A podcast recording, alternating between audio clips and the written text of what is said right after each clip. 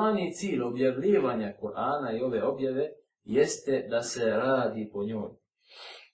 Normalno, to obuhvata sve ono što pomaže ostvarivanje ovog cilja, kao što je učenje Kur'ana na pamet, kao što je razumijevanje Allahove subhanahu wa ta'ala knjige, iščitavanje, ali normalno najglavni glavni cilj, dakle, i sve to ide u prilog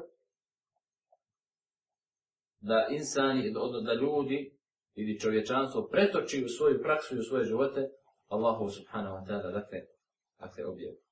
Zbog čega će Allah odignuti ovaj Kur'an tada kada ne bude ostalo na zemlji oni koji će izgovarati la ilaha illa Allah, odnosno kada će izgovarati la ilaha illa Allah, neće znati šta znači to, već će to samo naslijediti od svojih predaka,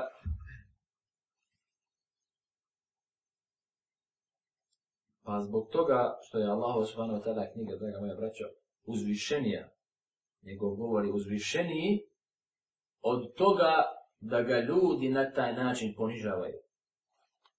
Ne radeći po njemu i okrećući leđa ovom svetom govoru. Isto kao što će uzvišeni Allah subhanahu wa ta'ala dozvoliti, kao kaže šeheh Muhammed ibn Salih al-Uthaymin, tumačeći onaj hadis, dakle, kod Buhari i muslima gdje je poslanica nam govori da će uvišnji Allah smana tada dozvoliti dakle da e, prije nastupanja sudnjeg dana baš u to vrijeme ljudi sruše Allahu u kuću Ka'ab. Kada? Kada ne bude imalo koga da veliča Allaha subhanahu wa ta'ala kod te svete kuće. Tada će uzvišeni Allah subhanahu wa ta'ala šta? Dozvoliti da se ona sruši. Jer ona je uzvišenija i svetija od toga da se Allah subhanahu wa ta'ala ne veliča kod nje.